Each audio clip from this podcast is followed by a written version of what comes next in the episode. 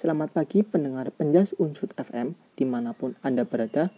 Jumpa lagi dengan saya, Dimas Agung Saki Arafif dalam Penjas Unsut News Pagi. Sejumlah berita hangat telah kami siapkan untuk Anda pagi ini. Di antaranya, hasil Liga Italia, Ronaldo 2 gol, Juventus lumat Spezia. Juventus tampil luar biasa dengan melumat tuan rumah Spezia 4-1 di pekan ke-6 Liga Italia, Minggu 1 November malam waktu Indonesia Barat. Meski berstatus tamu, Juventus tampil menyerang sejak menit awal. Alvaro Morata nyaris membobol gawang Spezia di menit ke-6. Sayang, tendangan jarak dekatnya melenceng.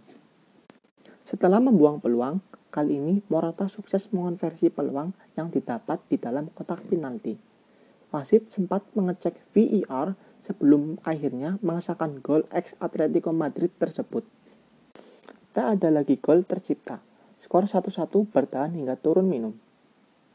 Di babak kedua, pelatih Andrea Pirlo meningkatkan intensitas serangan mereka dengan memasukkan Cristiano Ronaldo di menit ke-56.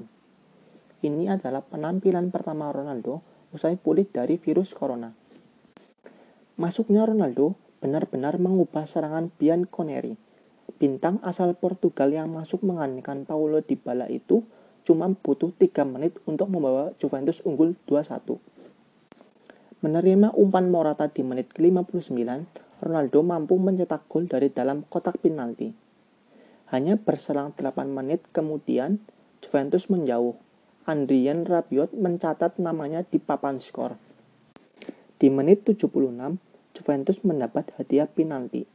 Paolo Bartolomei menjatuhkan Federico Chiesa. Ronaldo yang maju sebagai eksekutor berhasil mencetak gol keduanya dan membuat Juventus unggul 4-1. Keunggulan Juventus bertahan sampai akhir pertandingan. Kemenangan ini mengangkat kembali moral para nyonya tua setelah dalam sepekan terakhir ditahan imbang Hellas Verona 1-1 dan ditekuk Barcelona 0-2 di ajang Liga Champions. Demikian sejumlah berita dan informasi terhangat yang dapat kami sampaikan ke ruang dengar Anda. Selamat pagi, selamat beraktivitas, dan sampai jumpa.